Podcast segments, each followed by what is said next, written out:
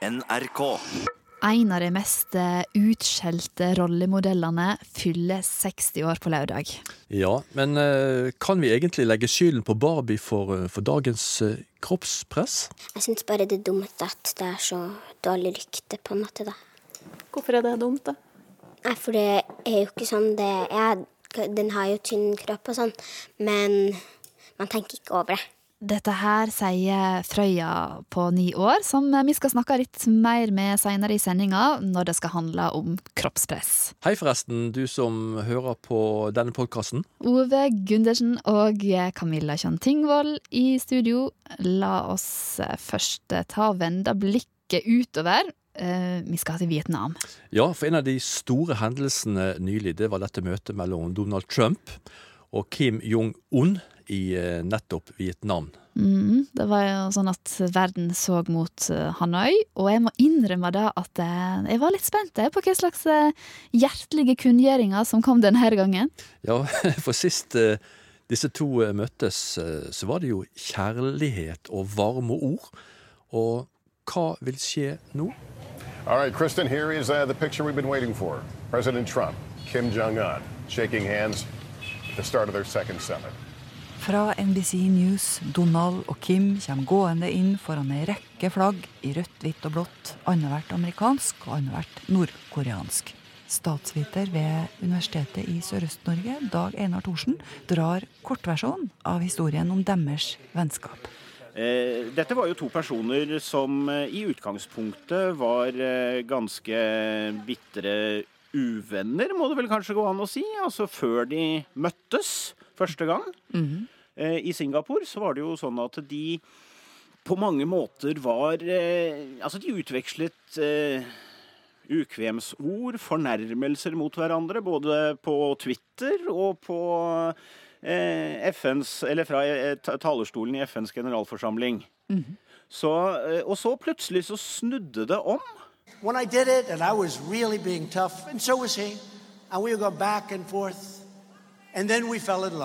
Okay? Ble forelska, faktisk, Kim Jong-un og Donald Trump. Men i Vietnam denne uka her så var det ikke fullt så hjertelig. Altså da de møttes for, eh, igjen foran kameraene til en sånn fotomulighet, så så, jo, så det ut som de hadde et veldig godt og hjertelig forhold til hverandre, og så ble det plutselig bråstopp.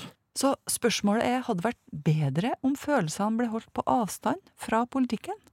Ja, det hender at følelser fører store, gode ting med seg, sier Dag Einar Thorsen mens han trekker fram et eksempel fra innerlomma. Det kan jeg godt gjøre. Altså eh, Et ganske berømt eksempel på et sånt tett og personlig forhold mellom to statsledere er jo eh, fra 1980-tallets Europa. Eh, da man fikk et sånt forhold mellom den vesttyske, daværende vesttyske forbundskansleren Helmut Kohl og Frankrikes president Francois Mitterrand. Eh, det var et forhold som det ikke var skrevet i stjernene at de skulle ha et godt forhold til hverandre. Begge kom fra forskjellige ideologiske tradisjoner. Mitterrand eh, var president for Sosialistpartiet, og Kohl var en konservativ eh, kristendemokrat.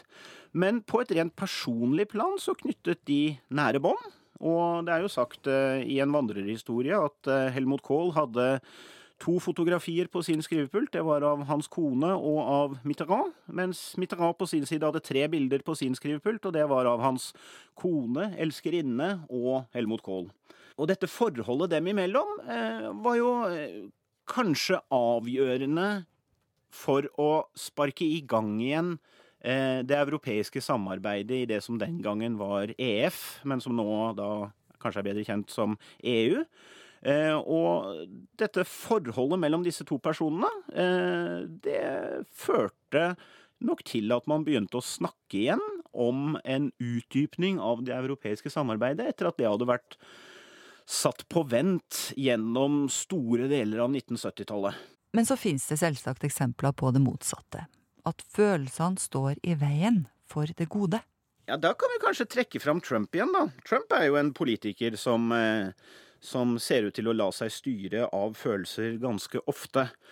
Og forholdet mellom Trump og lederne for det demokratiske partiet i den amerikanske kongressen, og da i første rekke lederen for Representantenes hus, Nancy Pelosi, og demokratenes leder i eh, Senatet, Chuck Schumer, eh, er jo preget av eh, ganske gjensidig form for forakt og dårlig stemning når disse tre lederne i amerikansk politikk møtes. But you know what? Now they'll make Donald Trump said they fell in love. How horrible! How horrible is that? So. Det er ikke en president verdig å få varme følelser for en annen statsleder, mente noen om Trump sin forelskelse i Kim Jong-un. Så alt i alt, hva skal vi si om følelser og politikk? Ja, altså eh, Et utgangspunkt her må jo være at eh, alle mennesker, også politikere, har følelser. Og følelser kan ofte være vanskelige å håndtere. Eh, når man først får en eh, følelse for en annen person, enten det er positivt eller negativt, så, så kan det være, være ganske avgjørende. Altså når eh, tillit skal bygges, for eksempel, eller når tillit blir brutt, så handler det ofte gjerne om de rent personlige følelsene.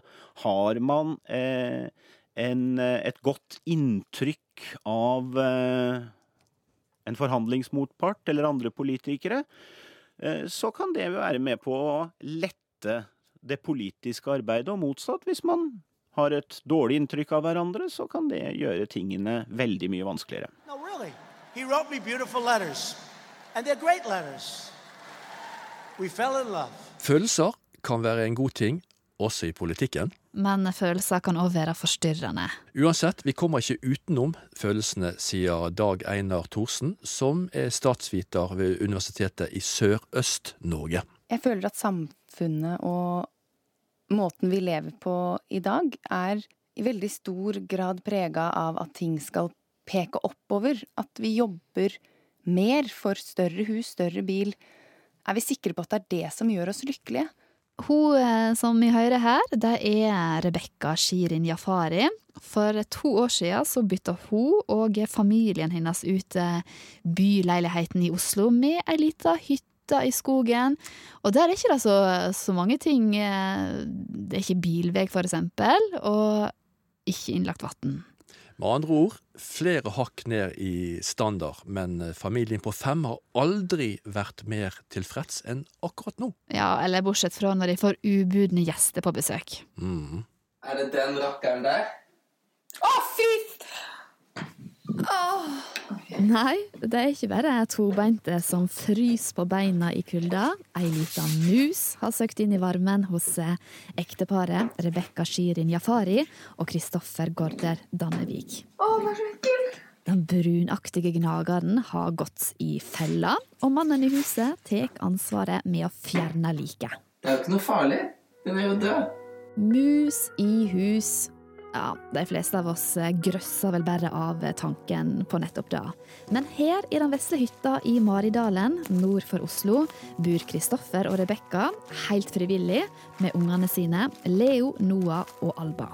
Dilla, som eh, eiendommen heter, består av tre små bygninger på et tun langt inne i skogen. Det er primitivt og enkelt. Vi har ikke innlagt vann, så det vi gjør er at vi manuelt fyller opp tankene både på kjøkken og på bad. Eh, ja, for å kunne gjøre de vanlige tingene, da, som å dusje og vaske opp og eh, Så det er jo ganske primitivt, for å si det sånn, å ikke ha innlagt vann i 2019. Eh, og så er det jo også kanskje litt uvanlig å ikke ha do og, do og dusj inne. Eh, at vi faktisk må gå over tunet for å ja, gjøre morgenstell og gå på do og dusje og vaske klær og den slags. Fra 120 til 56 kvadratmeter. Ja, du spør kanskje hva det er som får en familie på fem til å flytte ut av storbyen og inn i ei enkel hytte langt, langt fra folk. Rebekka og Kristoffer sier at de, de har aldri drømt om å bo ute i naturen, men da de kom over Dilla i 2013, så falt de pladask. Samtidig begynte ekteparet å stille spørsmål om hva det er som gjør de lykkelige. Jeg føler at samfunnet i veldig stor grad prega av at grafen skal peke oppover. Den skal gå liksom i det vi kaller riktig retning, og riktig retning er oppover. Større bil, større hus. Ja, nettopp. ikke sant? Større bil, større hus. Eller også den litt sånn nesten selvfølgeligheten når eh, man snakker om at å nei, nå har vi jo fått flere barn, nei, nå må vi, nå har vi ikke plass i leiligheten lenger. Det blir jo så mange ting, vet du, når vi får barn. Uh, og det er jo sant, det er klart at med et barn så kommer ting. Men må det være sånn? Og gjør det oss Er vi sikre på at det er det som gjør oss lykkelige? Uh, og hele tiden øke standarden? Eller blir vi faktisk uh, kanskje mer fornøyd med det motsatte? Men det er ikke noe tvil om at vi hadde en høyere levestandard før vi flyttet til skogen enn vi har nå. Uh, men det jeg føler vi har funnet ut, er at for det første så er ikke lykke avhengig av hvor høy levestandard man har, men på den annen side så har det også eh, gjort at jeg setter pris på eh, ting mange tar for gitt, som f.eks. at man kan gå på et vannklosett og bare trykke på en knapp, og så blir tiss og bæsj borte umiddelbart. Eh, det er en sånn ting jeg ikke reflekterte så mye over før, men som jeg nå kan bli utrolig fascinert av, eller, eller faktisk sette pris på på en annen måte enn jeg gjorde før. Eh, samtidig som jeg har funnet ut at det er ikke det som avgjør eh, hvordan jeg har det, eller hvordan vi har det. Mm. Ja, så de har blitt litt mer takknemlige etter at de flytta ut i skogen? Mm, definitivt. Husker du Rebekka sa det at, eh, at du føler at de har mer tid til rådighet nå? Det er jo også et litt sånn paradoks, da. At vi føler at vi har mer tid nå enn da vi hadde alle disse maskinene som jobba for oss. Nå må vi jo vaske opp for hånd og fylle på tanker og det ene og det andre. Eh, jeg tror at det handler om at vi har færre ting og mindre plass, og ikke så veldig mange tilbud rett utenfor døra annet enn nabolaget og skogen. Men vi har jo ikke mer tid mellom hendene, egentlig, eh, og kanskje snarere tvert imot. Fordi det er mange ting som må gjøres bare for å få hjulene til å gå rundt. Men det er vel mer riktig å si at tiden oppleves roligere eh, på Dilla. Og det kan jeg noen ganger fysisk kjenne på når jeg har vært i byen og vært på et eller annet og, og har opplevd den pulsen da, som er i byen, som jeg også er veldig glad i. Og så kommer jeg kjørende da inn i dalen og parkerer bilen, og så går jeg inn i skogen. Vi bruker veldig sjelden lys i skogen. Vi bruker bare månen eller uh, går i mørket, rett og slett. Og den roen det da er Den roen man får ved å gå de ti minuttene opp i skogen og hjem, da oppleves tiden større, og det føles som at klokka går saktere. Ja, Rebekka Shirin Jafari og Kristoffer Gårde Dannevik sier at de har funnet en ny hverdagslykke etter at de bytta ut eh, denne her byleiligheten i Oslo med ei hytte i skogen. Men selv om dette her høres veldig idyllisk ut, så møter ofte familien på små utfordringer, f.eks. når eh, smågnagerne flytter inn når det er kaldt ute. Det er jo en annen ting. Ved å bo i skogen, så skal man, er det ikke bare det at vi får så fint forhold til hele naturen. Altså, det er også en kamp. Det, er, det har vært kanskje nytt å erfare at eh, livet i skogen også er en kamp mot naturen innimellom. Jeg syns det er så grotesk. Hvordan skal du få, få den ut av Jeg skal ikke ta ut fylla di nå engangs. Æsj. Hvor skal vi kaste den, da? Det syns jo spesielt jeg ikke var så veldig stas, fordi jeg er livredd for både rotter og mus. Heldigvis er det ikke rotter i skogen. Men selv om de er veldig små og søte, de musene, så syns jeg det er uh, utrolig Nå virker jeg kanskje litt fisfin, altså, men veldig ekkelt når den døde musa ligger i den fella, og man må forholde seg til den. Og jeg er livredd når det, hvis, jeg, hvis jeg ser en mus som piler over gulvet, så er det Da er, det, er jeg raskt oppi en stol og ja. ringer til Chris. du, ja, du syns ikke de er så veldig søte. Du Nei. Hun ringte og var nesten på gråten. Da Men får ikke du bare lyst til å stikke av fra skogen da, Rebekka? Når sånne ting skjer? Jo, litt, da. får jeg sånn lyst til å Ja, det er litt, det er litt sånn når man Altså, omgangssjuke og museinvasjon, da er det litt sånn Ha det bra, nå flytter vi tilbake til en komfortabel leilighet i byen. Da kan, jeg, da kan den tanken noen ganger slå meg, altså. Da, da er det ikke alltid så stas å bo i naturen, i skogen. Ja, for jeg tenker, Hvordan overbeviser de dere sjøl eh, i sånne situasjoner når det er Mm. kjipt og vanskelig, at eh, ja ja, vi skal bo likevel? Mm. Ja, hvordan eh, Når det står på som verst, så har vi jo ikke så mye tid til å snakke og reflektere og tenke. For da er det jo bare eh, alle kluter til. Ja, hvordan overbeviser vi oss selv da? Hva sier vi til hverandre da, Kristoffer? Jeg vet ikke, Egentlig? men det er hvert fall helt, du har i hvert fall helt rett i at den tanken kommer. Hva, hva er det vi driver med, liksom? Dette går jo ikke. Man må bare stå, må stå i det, da. Man må stå i det, og ja, stå i det. Og nettopp dette med øh, tro på sin egen idé. Og, mm, og heldigvis så er jo livet og naturen såpass kontrastfylt og endrer seg såpass fort at ja, så har du hatt den omgangsuken, og dagen etter så kan det faktisk hende at sola skinner, og du bare får et sånn hverdagslykkeøyeblikk. Eh, eller når man går og legger seg, så ser vi den utrolig fine utsikten vår fra soverommet som vi setter så pris på. Eh, og så kommer den Å, der fikk jeg litt bensin igjen. Til å fortsette kampen, på en måte, for å si det sånn. Fordi det er jo en slags eh, kamp med og for eh, naturen, da. Altså, Jeg tror at eh, vårt forhold til naturen har, har virkelig blitt nærere og kommer til å være det for resten av livet. Men det er heller ikke sikkert at vi bor så ekstremt eh, i all evighet, for å si det sånn. Og det kan være at den tanken trøster meg litt når det står på som verst. At de må ikke bo der for alltid Nei. hvis de ikke har lyst til det. Nettopp. Absolutt. At man har et eh, Man kan alltids ta omvalg, og man kan alltid ja, være i en prosess, da. Jeg tror det at man er jo til syvende og sist alltid i en slags prosess som endrer seg. Eh, og det må man være åpen for hvis man låser seg, enten til den leiligheten eller til den eneboligen eller til det, den hytta i skogen. Så tror jeg at uh, man kanskje kan få det bedre hvis man stopper opp innimellom og tenker hm, er det det her vi egentlig vil? Er det det her som er nærest den kjernen jeg tror på å stå for akkurat nå?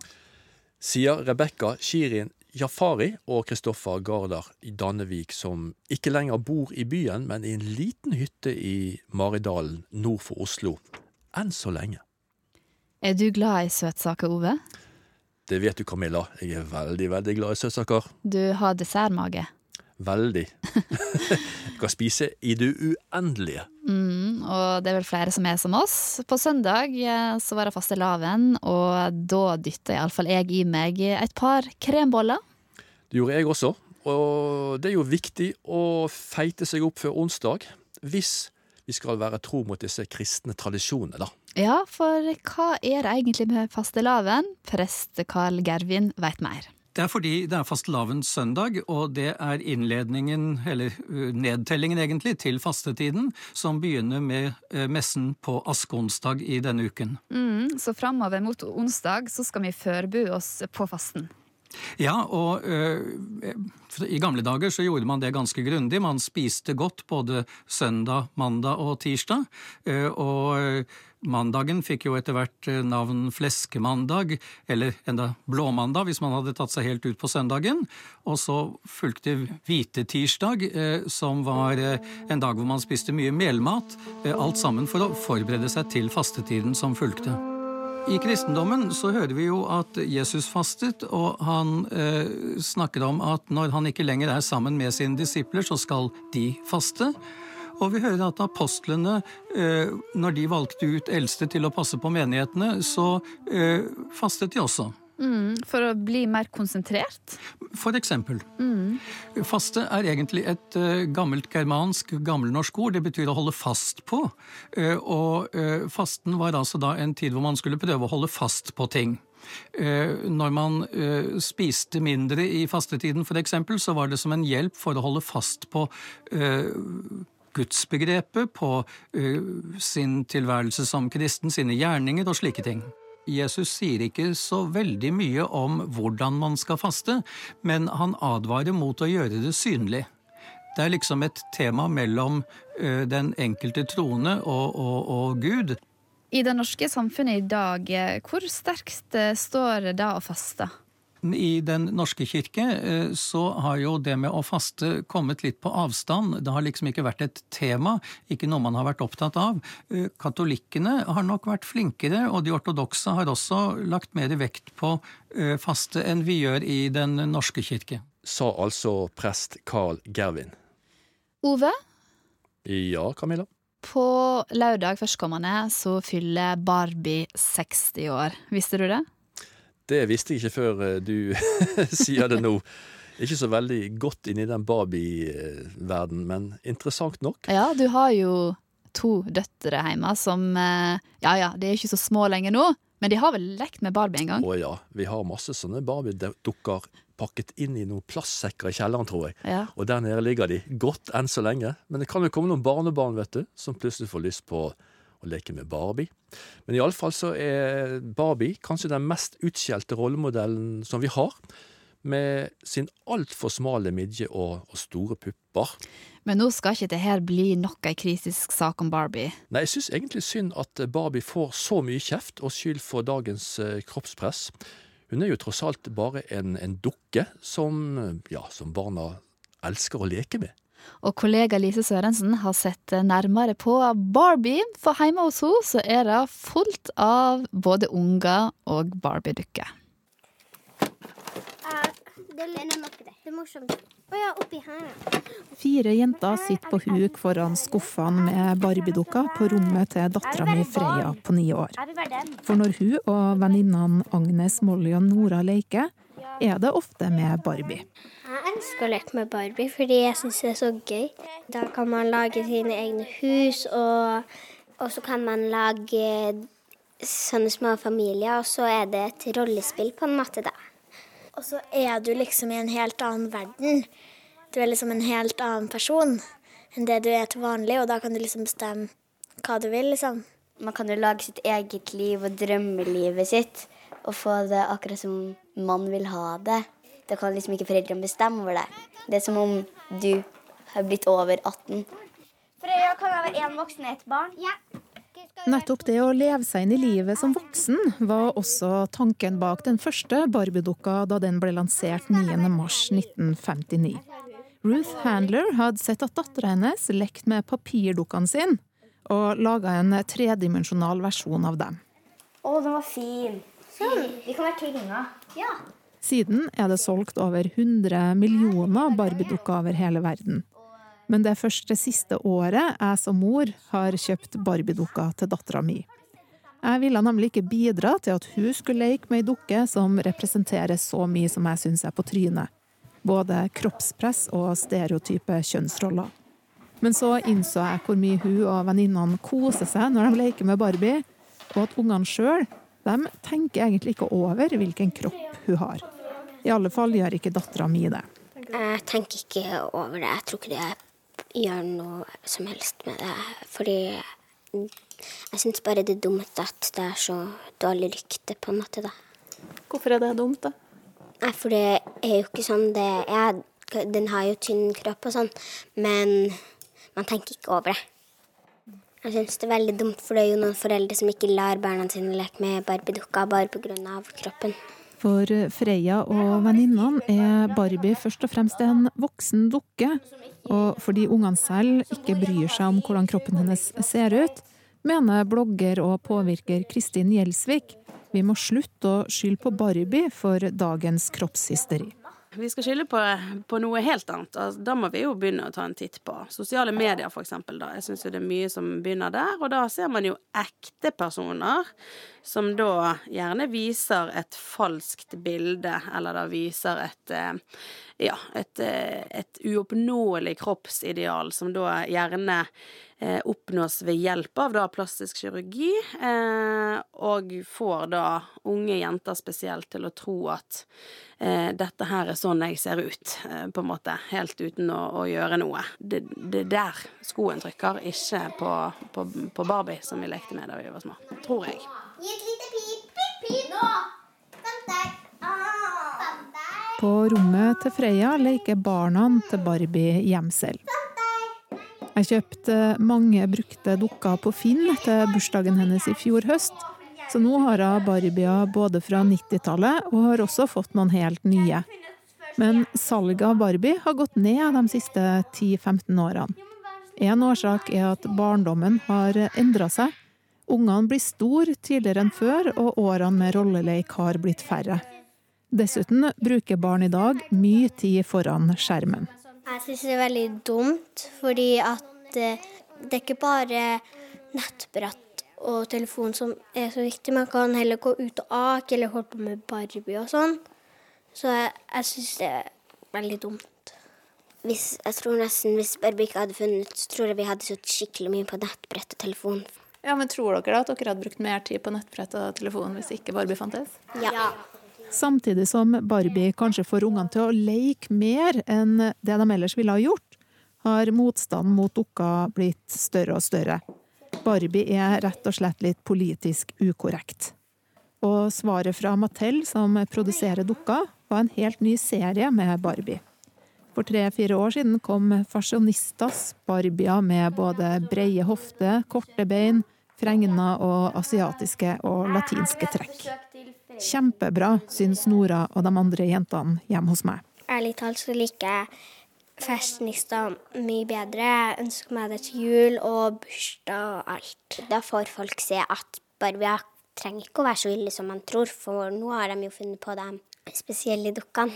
Jeg liker at eh, de ligner litt mer på oss, fordi da kan vi gjøre det litt mer eget, på en måte. Barbier som ligner mer på vanlige folk. Kan det bety et bitte lite håp for kroppshysteriet i den virkelige verden også?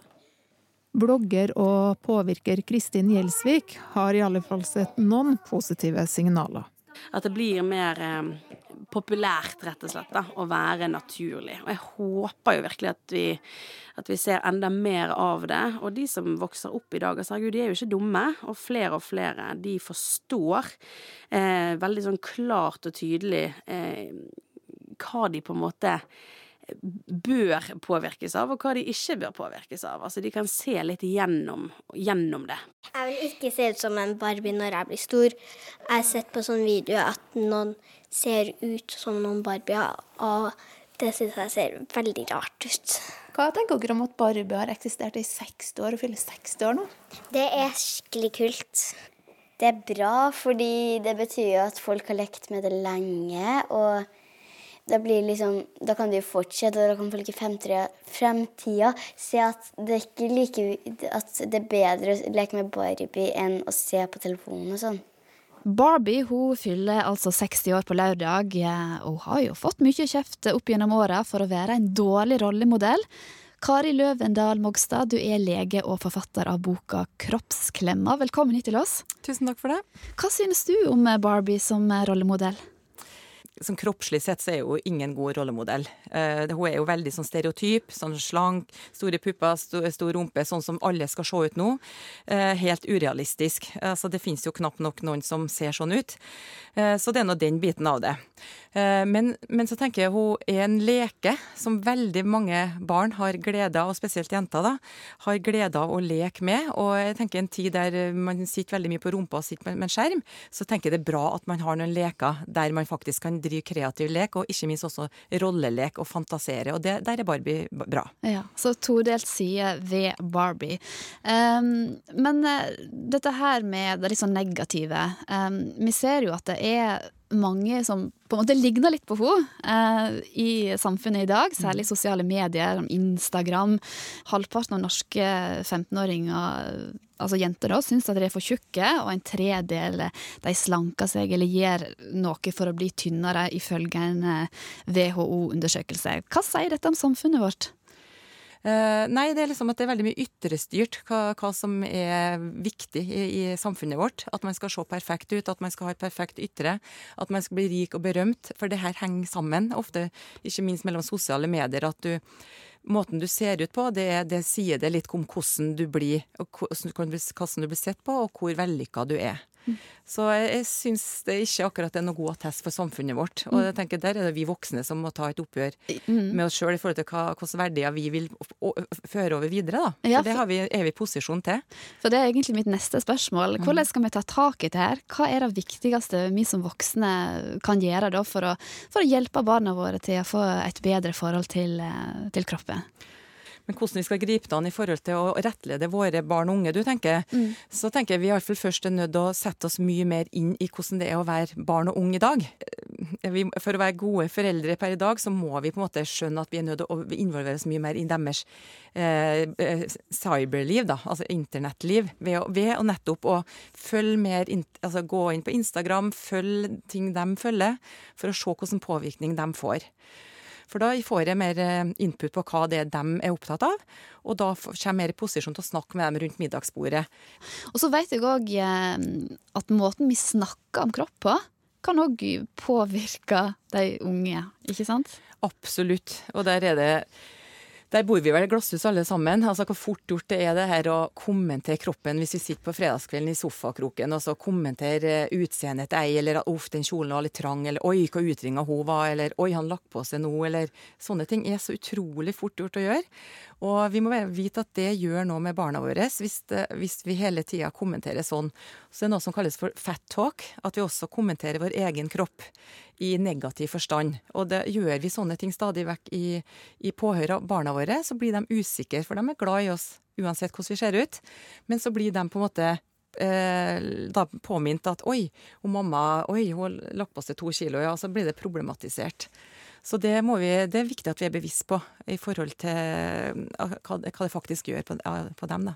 Eh, og så er det der å, å gjøre dem kritisk i forhold til, til media. Altså hva, hva, hva er det vi ser, og hva, mye, mye som vi vet er kunstig, og hva mye som er, eh, ja, mye som er faka.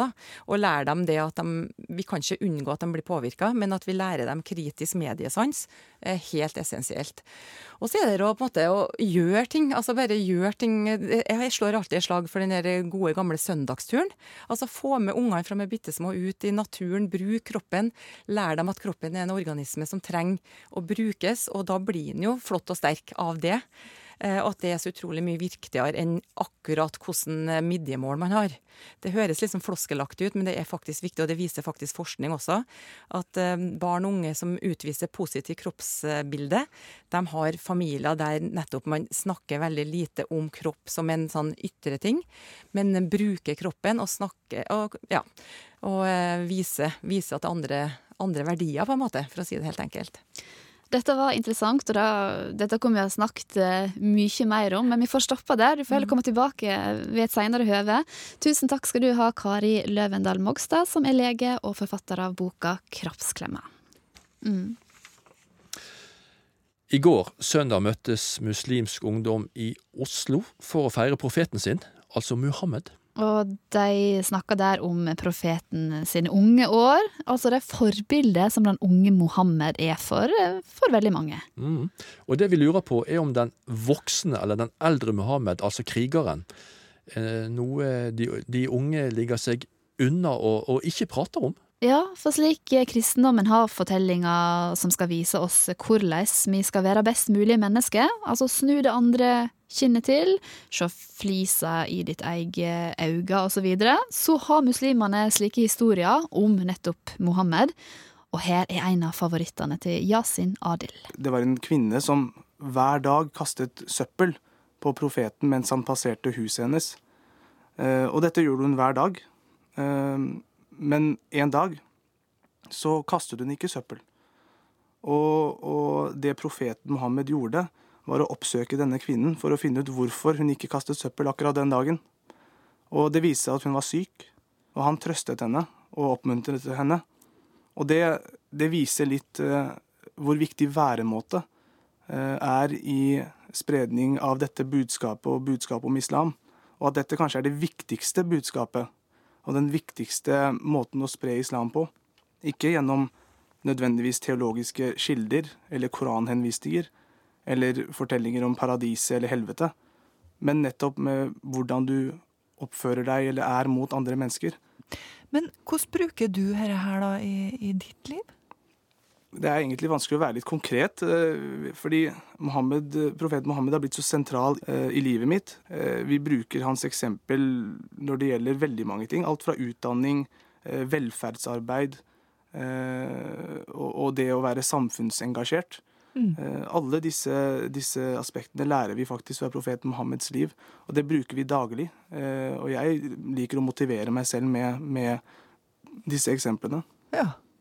Sånn leser altså Yasin og de andre Minhaj-ungdommene skriftene. De bruker Mohammed som eksempel på god oppførsel. Men så er det noen da som bruker krigeren Mohammed som forbilde. Hva tenker Yasin om det? Eh, ofte så er jo eh, de som eh, f.eks. reiser ned til Syria og blir med i IS, de er jo motivert av nettopp islamske kilder, som blir, som blir mistolket og misbrukt. Eh, og da tror jeg det er desto viktigere at vi bruker nettopp disse kildene på en ordentlig måte. For å forklare dem hvorfor dette er feil, og at dette ikke stemmer i overens med islam. Og en annen ting er jo at eh, mange av disse ungdommene som, som eh, blir tilknyttet ekstreme grupper, har et behov for å knytte seg til islam eller religion og praktisere islam. Og da tror jeg det er viktig å vise at det, det går an å praktisere islam og fortsatt være en godt integrert norsk borger. Eh, og dette er helt i samsvar med det Koranen sier, det profetens lære sier. Du tenker at du lettere når folk som bruker korantekster med korantekster, sant? Ja. ja. Jeg tror det er unødvendig å, å, å, si at man enten må gi slipp på islam fullstendig, eller bli helt ekstrem. Det, det er jo en veldig kontraproduktiv metode for å for å motvirke ekstreme holdninger. Yasin og gjengen bruker altså tekst for å argumentere mot tekst. Og bare så det er sagt, Minhaj-ungdommen har det her seminaret på niende året nå, og de har også hatt krigeren Mohammed som tema tidligere. Eh, vi har hatt eh, ganske mange arrangementer tidligere eh, hvor vi har belyst nettopp disse temaene. Hva gleder du deg mest til i dag, da? Eh, vi har jo alltid en sånn eh, Nasheed-konsert, som det heter, hvor, eh, hvor, man synger, eller hvor en kjent artist synger lovprisninger om, om profeten Mohammed og Allah. Og det er alltid et høydepunkt i, i våre arrangementer. Men i tillegg så har vi faktisk dette året invitert en som resiterer Koranen på en veldig unik måte. Mm -hmm. Og det er jo en, en, fremføringskunst i seg selv, som vi faktisk første gang forsøker i dag. Og denne urgamle tradisjonen med å resitere Koranen på vakrest mulig vis, den eh, lever eh, fremdeles, til og med her hos oss i Norge, på Oslo Met, når ungdommene samles for å snakke om profeten sin, Muhammed. Og han som vi hørte til slutt her, Ayub Asif, han er en ung mann med utdanning i faget fra Egypt, og han er altså i Oslo nettopp nå. Ja, og Camilla, dette var jo det siste vi hadde i dagens eh, podkast denne uken. Ja. Ove Gundersen og Camilla Kjønn Tingvold. Ja, vi skal hive oss ut i en ny uke, og så skal vi lage helt nye innslag til en ny podkast. Det skal vi. Ha det så godt så lenge. Ha det fint.